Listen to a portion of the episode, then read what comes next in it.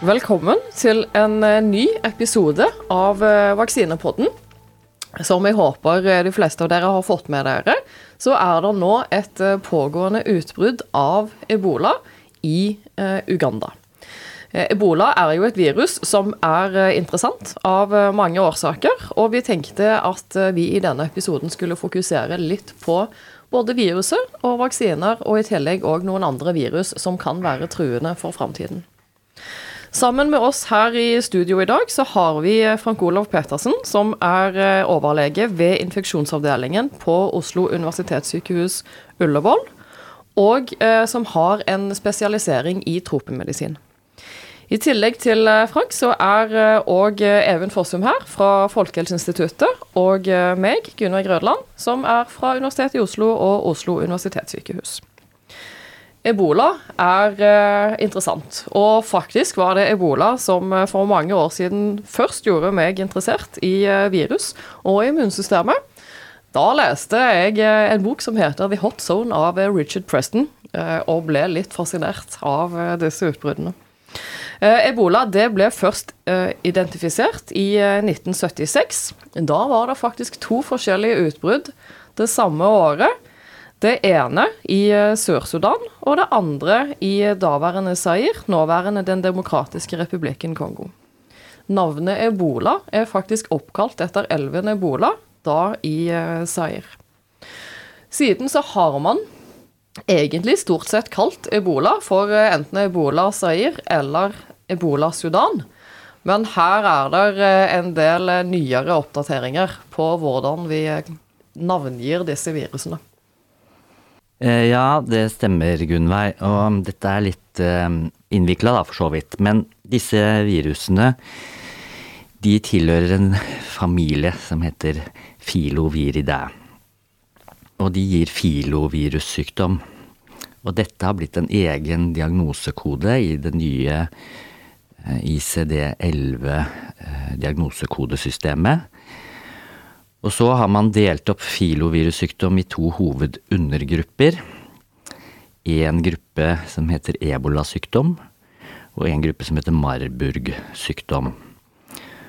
Og så er det da flere virus som kan gi ebolasykdom. Eh, hvorav ett av de virusene nå eh, er ebolavirus. Tidligere kalt Zaire-ebolavirus, og det gir da ebolavirussykdom.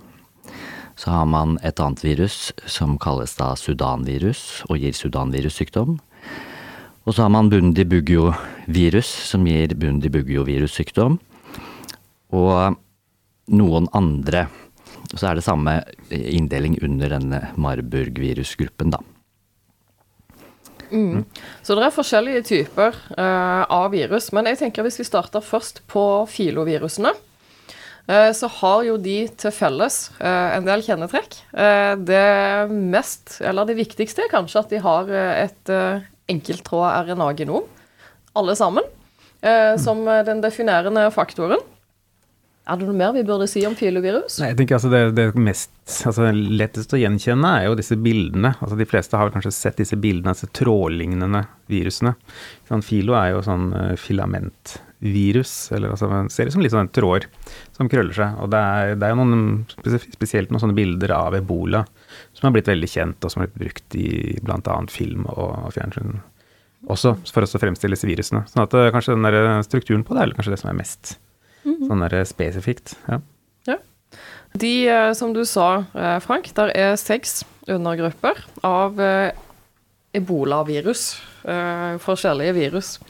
Eh, og det som jeg syns var litt interessant, fordi de du vanligvis har hørt om, eh, er de som nå heter eh, ebolavirus, eller tidligere ebolavirus Zaire og Sudan. Og det er de som stort sett gir alvorlig sykdom eller død i mennesker. Men i de fire, nei unnskyld, i de tre andre Tre av de andre gruppene gir knapt sykdom i det hele tatt. Det ene, resten, gruppen, har faktisk bare gitt asymptomatisk sykdom i mennesker som er eh, detektert. Eh, og så har du eh, Thai Forest, som det heter nå. Der har det bare vært to tilfeller av smitte i mennesker, og begge ble friske uten særlige utfordringer. Så det er stor forskjell på de ulike virusene i denne gruppen. Så er det vel et poeng da at man finner vel bare det man leter etter, der man kan lete. Så jeg tror vi må se for oss at det er mye udiagnostisert sykdom da, rundt omkring i de områdene hvor dette forekommer hyppigst. Det er et veldig bra poeng. Og da tenker jeg vi bør gå videre på hvor dette faktisk skjer, og hvor ofte det har skjedd. For jeg sa det kom i 1976. Det var neppe nytt i det 1976. mm.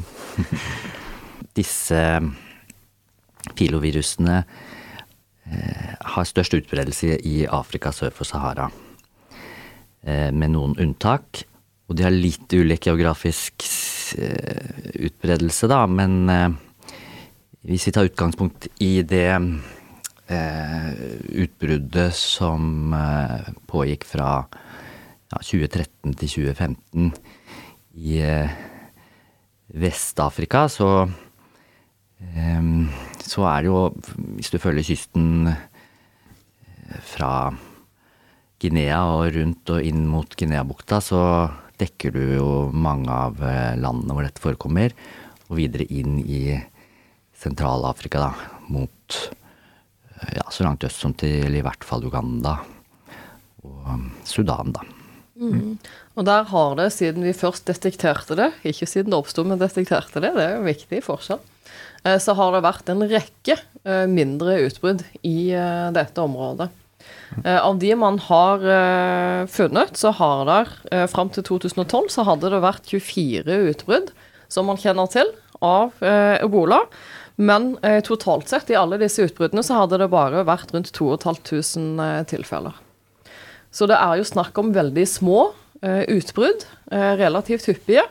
Og det var det man egentlig kanskje forventet av ebola, fram til, som du sier, dette større utbruddet i Vest-Afrika fra 2013.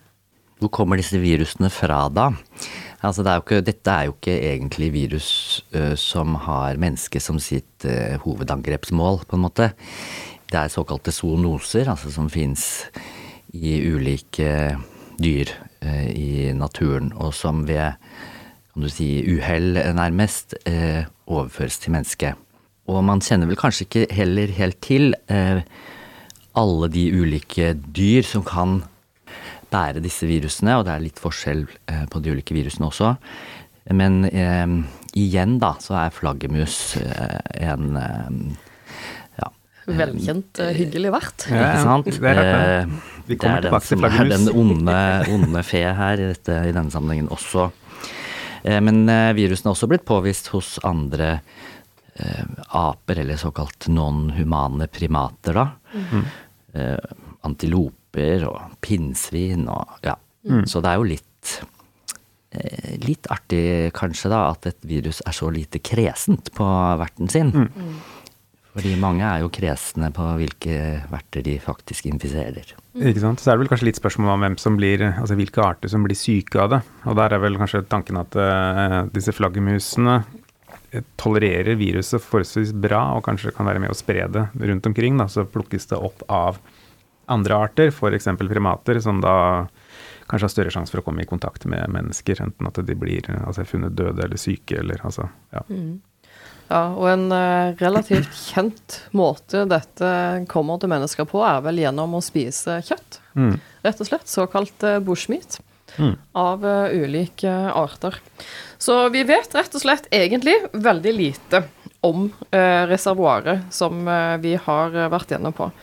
Og det gjør det òg ganske vanskelig, egentlig, å eh, forutsi når og hvor og i hvilken form dette viruset vil kunne eh, komme neste gang. Eh, det er jo alltid en utfordring. Men hvis vi går tilbake til 2013, så fikk vi altså det, så langt i hvert fall, største utbruddet av ebola. Og da hadde du faktisk nærmere 30 000 tilfeller, hvorav eh, rundt 11 300 dødsfall. Det er en eh, ganske stor spredning med eh, et sånt virus eh, i utgangspunktet. Fordi det er jo ikke et virus som eh, smitter, smitter like enkelt som influensa eller eh, koronavirus. Det er et virus, og du må ha nærkontakt med den som faktisk er smitta, for å bli syk. Eh, ja, men eh, likevel da, så eh, er det jo veldig viktig for disse virusene at de faktisk kan spres fra menneske til menneske. Fordi det gjør at deres potensial som eh, årsaker til svære epidemier er eh, mye større. Så ja, her eh, kan man smittes primært fra de dyrene som er syke, men også fra nærkontakter, altså særlig husstandsmedlemmer da. Eller hvis man jobber som helsearbeider, eller og også faktisk da pleier døde. Mm. Så, men man må komme i kontakt med infiserte kroppsvæsker. Mm. Eh, så det skal jo vanligvis litt til.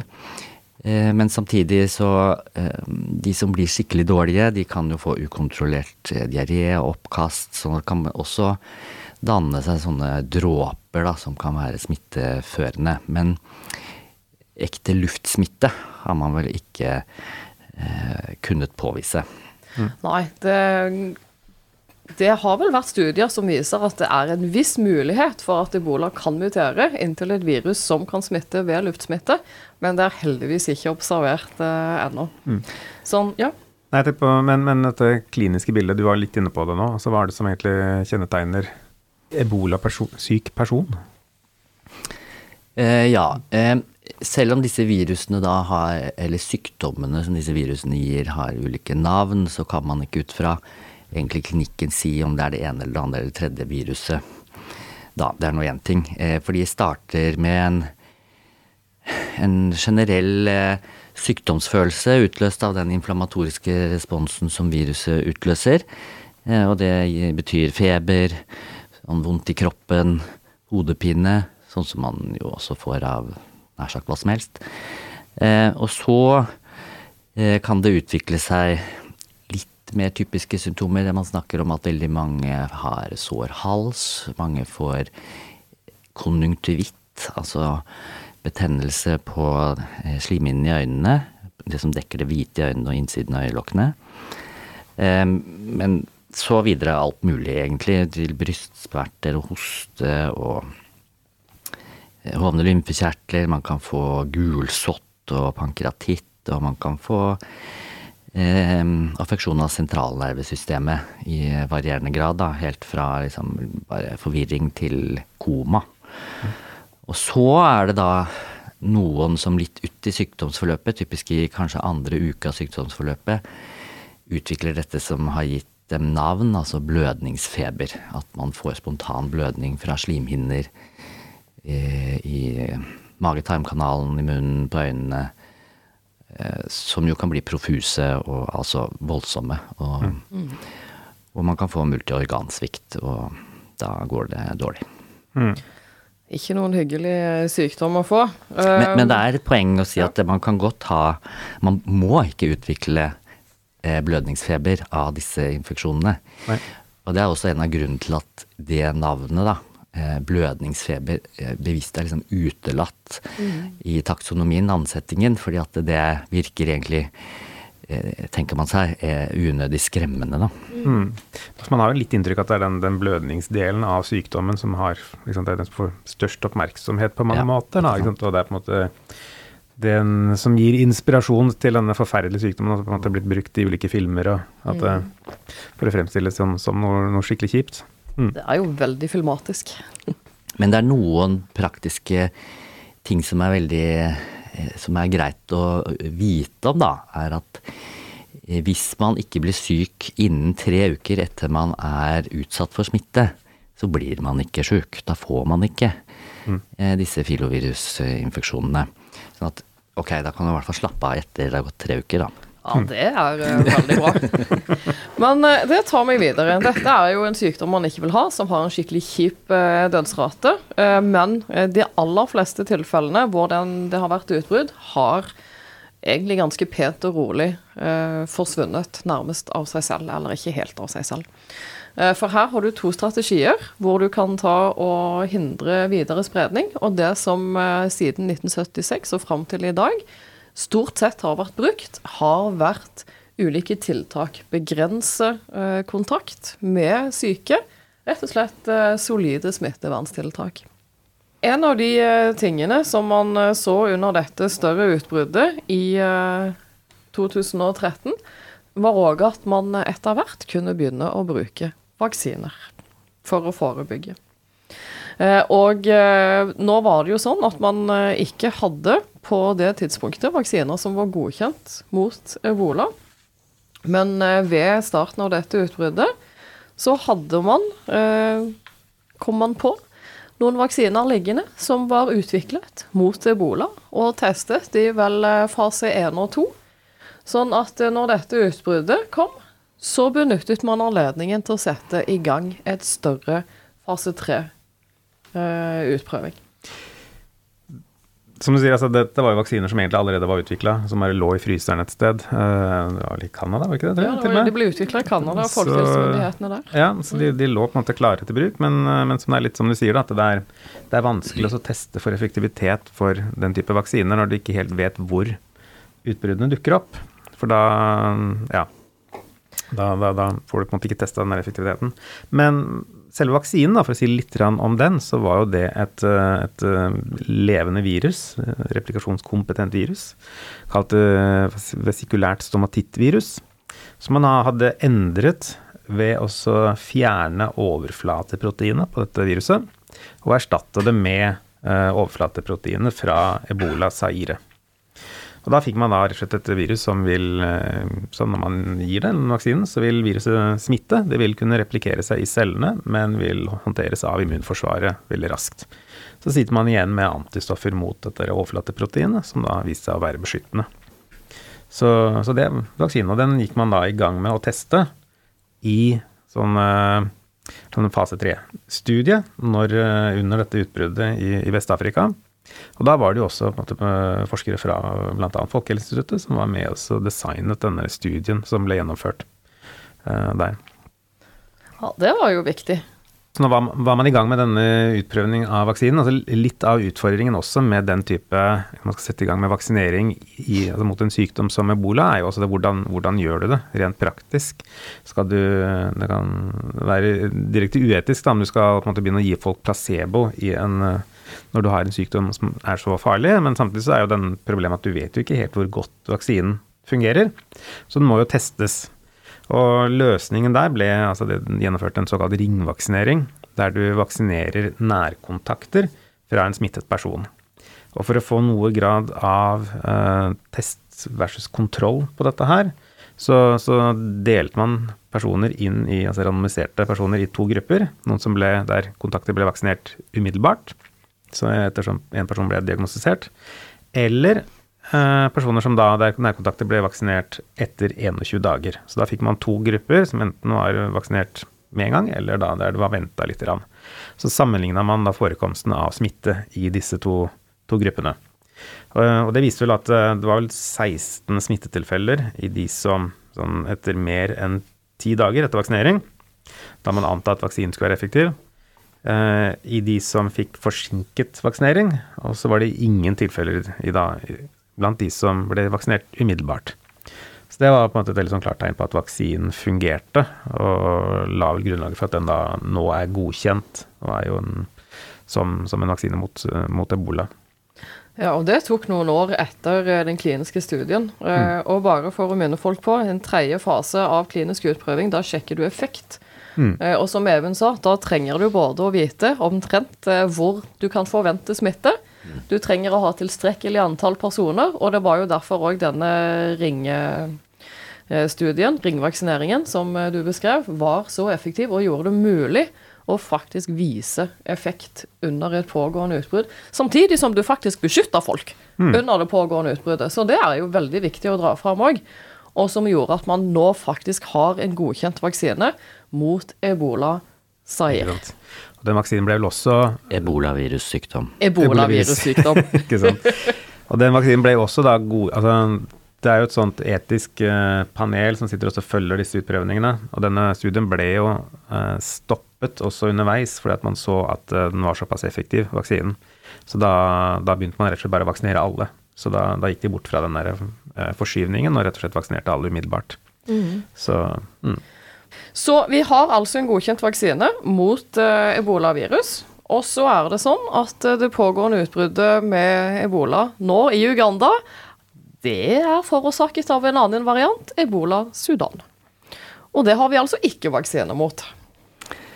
Ja, det pågående utbruddet er, er forårsaket av sudanvirus, som gir sudanvirussykdom. Mm. Det er riktig. Ja. Og problemet som vi har vært inne på, er hvordan skal man prøve ut en forebyggende vaksine når man ikke vet hvor det dukker opp et uh, utbrudd, eller når det dukker opp. Og det er også da tilfellet i denne situasjonen da, med dette sudanvirusutbruddet, at uh, man har ikke fått prøvd ut forebyggende uh, en vaksine som for så vidt allerede finnes. Den er også da primært designet for å beskytte mot ebolavirussykdom. Forårsaket av ebolaviruset, altså. Eh, en todosevaksine eh, der man også eh, bruker en virusvektor, som da skal kode for å lage antistoff mot dette glykoproteinet på overflaten til viruset. Og så, åtte uker senere, får man en ny injeksjon med annen virusvektor. Men her har man flere filovirus uh, med.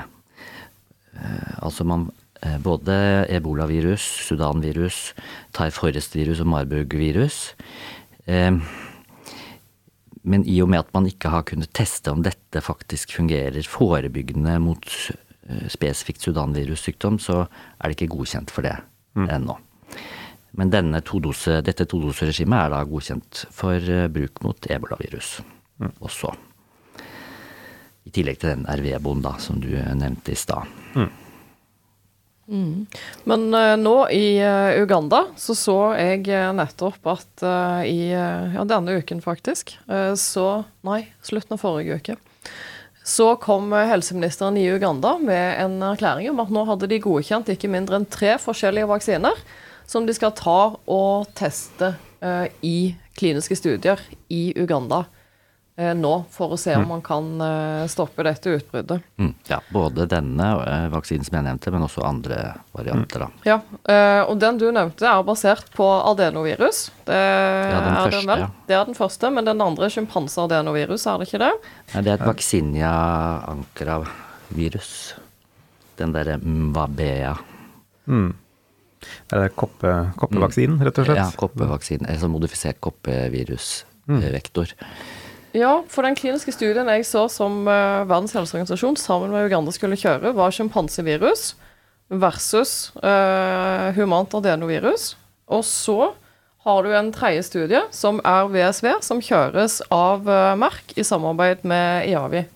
Ja, jeg så, jeg så den. De, hadde, ja. de, de, kom med en eh, presse, pressemelding, merk, om at de hadde da oppdatert den VSV-vaksinen sin, sånn, ja. som egentlig er en RVO-vaksine, og bare bytta ut dette overflateproteinet mm. fra, mm. fra Zaire-varianten til Sudan-varianten. Men er, det ikke også litt et problem, da, at man skal prøve ut veldig mange varianter samtidig, hvis man skal på en måte rekruttere, man skal rekruttere folk til dette, til å delta i studien. Man bør ha mange nok uh, for å kunne påvise en effekt. Ja, men ja, vi kan måtte velge litt ulike deler av befolkningen. Og i det større utbruddet i 2013 så var det jo ganske mange forskjellige vaksiner som ble testa ut, men bare én av de som de facto endte opp med å klare å bevise en effekt, mm. og derfor ble godkjent. Ja, nei, jeg skjønner at det er lurt å prøve flere eh, angrepspunkt, men man, eh, hvis man ender opp med å få for få inkluderte i de ulike studiene, så klarer man jo heller ikke å bevise det man, eller eh, sannsynliggjøre det man eh, tror på, da. Nei, man kan jo sitte og lure på om det blir litt sånn konkurrer man konkurrerer om ressursene i en sånn setting der eh, det, i hvert fall for de, på, de som rammes, da, kanskje ville vært mer hensiktsmessig å kjøre på noe med, med noe man tross alt altså, Sannsynligheten for at, det, at den vaksinen, eller de vaksinene som er godkjent, også har en effekt mot Sudan-varianten, er jo ganske høy, vil jeg si. Ja. Så hvis, hvis, det er snakk om å bevise det, så kunne man jo lurt på da om det kanskje ville vært mer fornuftig også satset på én i dette tilfellet her. Men ja. Ja, og så er det jo eh, i et pågående utbrudd selvfølgelig eh, lurt at det er et endoseregime. Ja. Så man slipper å vente på en til åtte uker på å gi den delen av vaksinen som man faktisk tror kanskje kan ha en beskyttende effekt mot eh, det aktuelle sirkulerende viruset, da. Ja, men sånn som jeg ja, Det står ikke entydig noe sted, men sånn som jeg oppfatter det, så er egentlig denne VSV-vaksinen, som allerede er godkjent, den er den som ligger nærmest. Fordi Ja, der ja, har de de facto dosene liggende i en fryser som de fant. Det de trenger, er å igjen en fryser som de fant, sant? Eh, som eh, vi husker fra forrige utbrudd. Og der de trenger å gjøre, det de skal gjøre nå, er å fylle denne bulkløsningen som de allerede har produsert, i mindre bokser, sånn at de kan kjøres ut og brukes. Det er det de har igjen. De andre driver fortsatt med produksjon, så det er jo ikke akkurat spørsmål, sånn som jeg leser antydningen i pressemeldingene, hvem som kommer til å komme først til mål, i hvert fall med igangsstart. Og så er det jo et annet spørsmål hvem som kommer først til mål når det gjelder å faktisk vise effekt. Ja. Og der vil jo strategi som de velger for uttesting, og geografiske områder de tester i, og hvor heldige de er, med heldig i hermetegn, med hvor mange i det området som ellers faktisk blir infisert, det vil jo være avgjørende. Mm. Det jeg ellers syns er eh, litt interessant, faktisk, er at man eh, ved siden av denne VSV-vektoren såpass ukritisk kjører i gang med utprøving av eh, adenovirale vektorer. Sånn rett etter at vi har hatt en sånn ørliten skandale, i hvert fall i Skandinavia, med AstraZeneca i forbindelse med SARS-CoV-2, med temmelig nøyaktig de samme vaksinene. Det syns jeg er et perspektiv som eh, ikke står noen steder, så jeg vil ta det fram her. Ja. Ja, ehm, det er problematisk ehm, det, ja. Ehm, og så har tenker man, nå bare antar jeg litt, eller tenker høyt, at eh, hvis du skal beskytte mot en livsfarlig tilstand, så godtar du høyere risiko Det gjør enn du Enn hvis du mm, ja, skulle beskytte mot hvert fall hvordan sars eller koronaviruset har blitt nå, da. Det gjør du utvilsomt. Og mot ebola så hadde jeg eh, nok eh, tatt inn adenoviral vektorvaksine, jeg òg. Jeg òg. Uh, utvilsomt, for risikoen der er temmelig mye høyere. Og da, ja. Men det er et viktig perspektiv. Og det jeg sitter og lurer på, hvorfor har man ikke i tillegg valgt ut òg andre formater?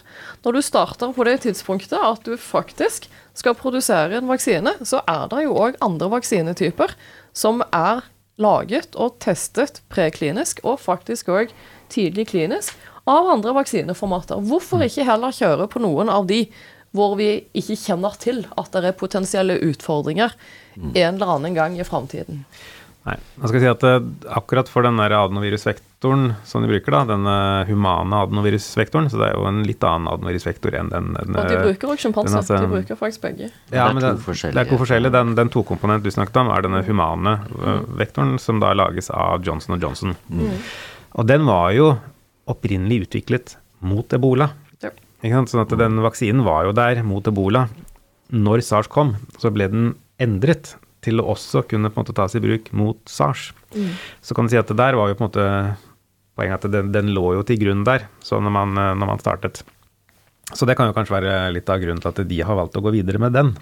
eh, I dette tilfellet her, da. Men, eh, men ja, det er, det er definitivt andre, andre sånne vaksineplattformer som også sannsynligvis vil komme, tenker jeg. Altså hvor lenge før vi ser altså, eventuelt at eh, noen av disse store mRNA-selskapene annonserer at de også er i gang med testing. Det, det kommer nok. Når man skal bekjempe et utbrudd, eh, så trenger man jo Så er det jo for seint å forebygge utbruddet, eh, egentlig. Altså vaksinene ønsker man jo å ta i bruk før utbruddet starter. Så vi trenger også noe å bekjempe utbruddet med, annet enn da smitteverntiltak, som du har nevnt, som er kjempeviktig, og som eh, man alltid må eh, bedrive for å bekjempe sånne utbrudd. Eh, og det finnes jo faktisk noen behandlingsalternativer nå eh, for ebolavirussykdom. Eh, og i dette store utbruddet i Vest-Afrika, da, så ble det jo prøvd ut litt av hvert. Og det var vel ja, knapt 30 personer da, som ble evakuert fra utbruddsområdet til Europa og USA, og som ble behandlet eh, her, da, blant annet i Norge. Og de fikk jo all verdens, selvfølgelig, da, som fins og var tilgjengelig, også eksperimentell behandling. Og totalt så havnet man i den gruppen ned på en dødelighet på 18,5% Og det er jo ganske bra. Etter den tid så har det kommet to ulike eh, behandlingsmuligheter som baserer seg på monoklonale antistoffer rettet mot dette glykoproteinet. Det ene eh, medikamentet heter Ebanga. Og det binder seg da til en Dette monoklonale antistoffet binder seg til en spesifikk epitop på glykoproteinet som heter noe langt og vanskelig, leik PDGS.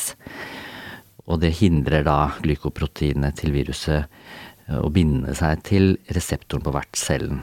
Den reseptoren heter Niemann Pick C1. Så er det et annet medikament som er en blanding av tre humane IGG1 kappa monoklonale antistoffer som har litt ulike effekter. Noen er nøytraliserende, noen binder seg til glykoproteinet og via FC-reseptoren utløser en antistoffavhengig signalering. Eh, og kan også binde seg til løselige glykoproteiner. Mm. Men ingen av disse medikamentene er jo da direkte antivirale. De gjør ikke noe med selve virusreproduksjonen, da. Mm. Nei, men de vil jo være effektive. Det var jo tilsvarende det som ble brukt òg for behandling eh, mye i eh, Europa og USA under eh, det utbruddet. Det var jo basert mye på monoklonale antistoffer, ja. hvor effekten jo er at du blokkerer viruset. Hindrer viruset fra å trenge inn i celler. Og eh, i tillegg, som du er på, FC-reseptorreaksjoner bidrar til at du får eh, brakt inn andre immunceller til området, som igjen blir eh, satt bedre i stand til å bekjempe viruset. Sånn at det du gjør med denne behandlingen, er som du sier, ikke å hindre viruset direkte, snarere hjelpe immunsystemet, enten ved å hindre andelen eh, virus som trenger inn i cellene ved hjelp av disse monoklonale antistoffene som binder og blokkerer, sammen med en aktivering av immunsystemet. Mm. Men det er jo liksom, dette er jo ikke de billigste behandlingene, og uh, krever en del uh, infrastruktur mm. for å bruke. Mm. Så for de som faktisk rammes da, av disse virusene, hvor, hvor tilgjengelig er, er, disse behandlingene egentlig? Nei, ikke sant. Eh, sånn at vi vil ha en pille. Ja, ja ikke sant. Mm. Ja, for, sånn. jeg husker under eh, det utbruddet så var det ganske stor eh, diskusjon rundt får vi tak i eh, antistoffer til behandling. Ja. Mm. Hvor langt fram i køen klarer vi å betale oss, presse oss, for å få tak i det lille som er tilgjengelig av antistoffer. Så dette, selv om det fungerer og nå har blitt vist seg å være effektivt, så er ikke dette løsningen for storskala utbrudd. Nei, det er ikke det. Og ja, nei, som du også sier, dette er ikke noe vi har på lager i Norge. Mm. Så om eh, noen bør eh, se for seg det å ta på seg et ansvar for det, er jo en mm. annen sak. Ja. ja, enten det, eller kanskje sørge for at vi har eh, bedre produksjonsplattformer for å lage monoklonale antistoffer, for der har det skjedd veldig mye de siste årene. Både på produksjon og utvikling av antistoffer som er mer stabile som faktisk er en ganske viktig poeng for uh, antistoffer. Mm. Så det har skjedd mye teknisk der som kan gjøre det enklere å produsere i framtiden. Ja, altså produsere det på flere steder enn bare akkurat ja, det er fabrikken til uh, mm, et eller annet firma, ja. Men ebola er jo slett ikke det eneste viruset hvor det forekommer eh, relativt mange utbrudd, men av en så liten skala at vi stort sett ikke hører om de i Vesten. Eh, så tenker jeg at vi går til eh, Lassa, Nipa, Rift Valley Fever og chikungunya. Og de er eh, valgt ut rett og slett fordi de står på Verdens helseorganisasjon sin liste over virus vi må ha klar vaksiner for. Det betyr ikke at vi skal ha virus eller vaksiner liggende i fryseren klar til å beskytte mot dem, men vi bør i hvert fall vite hvordan vi skal lage disse vaksinene. For det vet vi jo ikke i dag, gjør vi det? Nei. Vi har ikke vaksiner mot disse virussykdommene ennå, dessverre. Uh, I hvert fall ikke godkjente vaksiner. Uh, det er flere som er under utprøvning. og det, Når du snakka om bl.a. det å ha en, en, vaksineplattform som potensielt sett kan hjelpe mot, mot, flere av disse sykdommene, så er det jo bl.a. Altså nå var vi inne på dette, denne vesikulær stomatittvirusplattformen som brukes uh, mot ebola. Uh, og det er jo lagd lignende vaksiner også for flere av disse andre virusene, som har vist seg i hvert fall å være effektive i, i, i primatstudier. Det ville kanskje vært enklere å i hvert fall starte med de sykdommene som er ganske prevalente, da. Ja. For eksempel eh, Lassa-feber er jo en eh, ganske vanlig sykdom, og kanskje opptil en halv million tilfeller i, eh, i eh, Sentral- og Vest-Afrika, fra Nigeria og langs kysten igjen, oppover eh, til og med Guinea. Men heldigvis mindre alvorlig, selv om den også har potensial til å utløse da, hemorragisk feber. Så er det mange flere som smittes av dette som ikke får noe særlig plager. Og dette er vel også den eh, virussykdommen som altså kan gi hemorragisk feber, som oftest importeres til Vesten, da. Men Lassa er litt eh, komplisert når det gjelder eh, vaksineutvikling. Eh, eller fellesnevneren for eh, alle disse som eh, vi har nevnt nå, er egentlig at vi ikke har et etablert korrelat til beskyttelse. Eh, det vil si, vi vet ikke, eller vi har ikke vist entydig hvilken type immunrespons som faktisk vil beskytte mot viruset, og hvordan du derfor bør designe vaksinen. Det har vi ikke et helt entydig klart svar på. Og så kan du si likevel, for en del av disse så er det ganske trolig at man vil kunne kopiere det man har gjort, både mot eh, SARS-CoV-2 og influensa og nå ebola, nemlig å putte bare overflateproteinet inn, og så eh, danne nøytraliserende antistoffer mot overflateproteiner og forvente vente effekt. Det vil trolig være helt strålende mot eh, f.eks. Nipa. Eh, og det kan man anta, fordi der har du f.eks. meslinger og kusmavirus, som er i samme virusgruppe, og hvor man bruker nettopp vaksiner basert på å danne denne typen antistoffer, som fungerer aldeles strålende. Samme metode vil sikkert fungere fint her òg. Men for Lassa så vet vi ikke dette helt entydig. Og det er fordi når du skal se på hvordan eh, du får danna best mulig immunresponser, så er det man typisk gjør, og ser på hvilke responser som dannes hos de som har overlevd en infeksjon. Og det man ser etter laserinfeksjon, er at disse nøytraliserende antistoffene som vi har prata om, og som dannes mot overflateviruset, de har en tendens til å komme såpass langt ute i forløpet, kanskje en måned eller to ut i forløpet, at de ikke egentlig hadde noen betydning når det gjaldt å slå ned sykdommen. Der kan det mer se ut som at det var T-celler som var det avgjørende for beskyttelse. Som vil si at du må lage vaksinene på en litt annen måte enn det vi faktisk eh, har gjort med de andre virusene. Samtidig så er ikke dette et entydig svar eh, heller, fordi det er dyrestudier som indikerer at du kan få effekt hvis du danner denne typen nøytraliserende antistoffer. Men her er det rett og slett en del ukjent. Men eh, hvis du danner disse nøytraliserende antistoffene da, etter en tid, så er du beskyttet mot å få det igjen, eller? Eh, ja og nei, eller det vil si det har du ikke vist. Men det vi jo vet, både pga. vaksinering i dyr og gjennom overføringsstudier av eh, monoklonale antistoffer igjen, så vet man jo at antistoffene, når de har høye nok nivåer, så vil de kunne beskytte.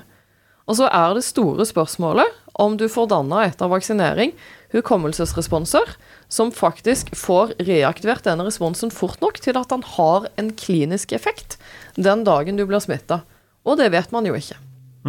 Det er jo samme historie om igjen. Eh, litt, er det ikke det? Altså, det er lettere å, å måle antistoffer enn å måle T-celleresponser. Det er mye lettere å måle antistoffer, men den store forskjellen på Lassa og når SARS-CoV-2 kom, kontra Lassa, var at for eh, SARS-CoV-2 så visste man jo òg egentlig ganske godt at nøytraliserende antistoffer ville kunne fungere veldig fint. Det visste man jo fra tidligere studier med MERS og eh, det som nå kalles SARS-CoV-1, som brøt ut i 2003. Sånn at man hadde et litt bedre utgangspunkt der enn det vi i dag har mot Lassa. Men Lassa er i hvert fall en viktig infeksjon å fokusere på for f.eks. CPI, da. Lassa er en eh, viktig eh, sykdom å fokusere på for eh, CEPI, men også er spørsmålet hvordan skal vi egentlig best forberede oss på det neste viruset som kommer, enten det er Lassa eller Nipa eller chikungunya eller virus X, som vi var inne på. Nei, altså vi, har, vi har vel vært nevnt det litt allerede, at det der viktigheten med bredde. Det å ha flere alternativer, både i form av vaksineplattformer og ha mange vaksineløp. For du vet jo aldri helt liksom hvilke som kommer til å slå an. Og det å ha da noe å falle tilbake på vil være fornuftig. Og det, og det er jo strategien altså flere steder, at man har mange ulike ja, uh, grupper som jobber med ulike vaksinestrategier mot, mot, disse virusene. Så forhåpningen må jo da være at en av disse her kommer til å funke, og gjerne flere, så at man har, kan variere dem også. Ja, og jeg tenker det er uh, ganske viktig det du sier der, Raun. Fordi det å ha flere strategier, uh, flere vaksiner, flere måter å gjøre dette på, øker jo sannsynligheten for at man faktisk kommer fram til noe som fungerer etter hvert. Mm. Og det er vel også litt viktig å ha noe slags uh, overordnet plan og styring. Altså og hvis man da begynner å skulle snakke med å få med seg ja, politikere og alt på en litt sånn koordinert innsats, så blir det jo litt eh, vanskelig, da. Men jeg tenker eh, det har i hvert fall eh, koronapandemien vist oss at det er nødvendig, og kanskje, kanskje har den minnet oss på at vi må faktisk prøve å dra i samme retning. Mm. Ja, det må han. Og så har han forhåpentligvis òg minnet oss på hvor lite vi faktisk kan Eh, og en av de tingene som jeg eh, tenker etter pandemien, sett i sammenheng med disse nye virusene, er at det er jo superviktig at vi har fått eh, vaksiner som kan gi rask respons. Det mm. har vi faktisk fått. Samtidig så har vi faktisk ikke lært så veldig mye om samhandlingen mellom immunsystemet og et eventuelt nytt virus. Vi har liksom ikke gått til grunnlaget og beskrevet eh, immunologien på en veldig mye bedre måte enn det vi hadde før. Sånn at når vi står overfor et virus X, eller Lassa og skal designe virus, så har vi et relativt tynt utgangspunkt for å vurdere hvor vi skal starte. Det vi har, er dette mangfoldet av studier som allerede har pågått, og hvor du ser det funker, det funker ikke. Og det er det startpunktet vi har i dag. Men å prøve å predikere når virus 6 kommer, det grunnlaget der, den basale immunologiske forståelsen, den har vi ikke. Så grunnforskning, det trenger vi eh, masse av, utvilsomt. Et annet uh, aspekt, tenker jeg, ved uh, disse virusene, er at de er jo ikke bare problem den dagen de faktisk uh, smitter over til mennesker. Disse virusene kan jo òg i større eller mindre grad òg smitte dyr, i den grad det er problematisk for oss når de treffer produksjonsdyr. Ja, som vi har nevnt, så er jo alle disse zoonoser, altså de finnes i utgangspunktet hos dyr, og det er noen virus som er mer problematiske i så måte fordi de eh, også gir sykdom hos produksjonsdyr. F.eks. denne Rift Valley fever. Da. Slik at eh, det har jo blitt mer åpenbart eh, at man må tenke utenfor den humane boksen i mye større grad. Man må eh, faktisk tenke på både miljø, hvordan vi bereder grunnen for at mygg kan spres f.eks. til nye områder, klimaendring, sånne ting. Eh, man må tenke dyrehelse og menneskehelse eh, sammen. Altså eh, det som kalles One Health-perspektivet. Så jeg tenker eh, at vi eh, humanmedisinere må bli mye mer opptatt av veterinærmedisinerne og omvendt.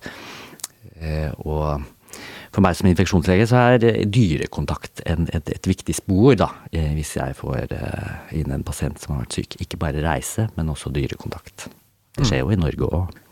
Mm, Smitte fra dyr til menneske, altså. Mm. Ikke av disse virusene, men av andre ting. Å nei, det har vi hatt ganske mange eksempler på de siste par årene. Så det er absolutt noe man bør fokusere på. Jeg eh, tenker at hvis vi skal gjøre et forsøk på å oppsummere det temaet vi eh, har vært igjennom, så er det eh, grunn til å håpe på gode nyheter når det gjelder de kliniske studiene, som forhåpentligvis vil bli rullet ut veldig raskt for å bremse det pågående utbruddet i Uganda. La oss håpe at de blir godkjente som eh, vaksiner etter hvert. Minst én av de som mm. testes ut. Eh, samtidig så er det grunn til å understreke at det er en rekke andre virus som faktisk òg representerer potensielle fremtidige trusler mot eh, mennesker og dyr, og som det er god grunn til å fortsette å drive forskning på. Og så eh, var det Even som sa før vi starta opptak, at nå må vi faktisk òg huske på at det har vært eh, flere tilfeller av tuberkulose. Det er flere tilfeller, nei, det er flere dødsfall, sa du? Det, er flere, altså, det er flere personer som dør av tuberkulose hver, hver uke enn som har dødd av ebola fra 1976 fram til i dag. I hvert fall de som vi har registrert. da. Der, uh, her kan det selvfølgelig være mørketall. Som, så, så sett ut ifra det perspektivet, da, så kan man si at uh, ebola er ikke på en måte det, den, den sykdommen som har størst på måte, konsekvens på folkehelsen. Eh, ikke at man skal på nedspille de dødsfallene som forekommer, men altså det, er, det, er, mange sykdommer som er verdt eller som det er viktig å fokusere på. Og vi har jo altså hiv, som kanskje står deg nærmere, men også sånn, og også tuberkulose er jo sykdommer som også tar livet av veldig veldig mange. Så der det er viktig å opprettholde fokus og forskning og ja. Ja. Mm. Og det er en veldig viktig kontekst, fordi det er veldig lett noen ganger å bli skremt av overskrifter, f.eks. om eh, hvor forferdelig nå ebola er i Uganda. Men hvis du setter det inn i en kontekst, så har vi en rekke helseutfordringer som faktisk er større problemer enn ebola. Vi bør definitivt være forberedt, mm.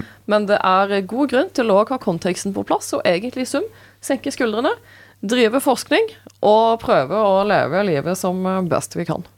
Det var en litt filosofisk avslutning på episoden i dag, men jeg tenker vi slutter der. Eh, tusen takk til eh, Frank som var med oss på episoden i dag. Det er eh, alltid veldig hyggelig. Tusen hjertelig takk til Karen Klyve Sunde, som er vår tekniske person og sørger for at vi slipper å tenke så mye på det. Og tusen hjertelig takk til dere som har lyttet på oss.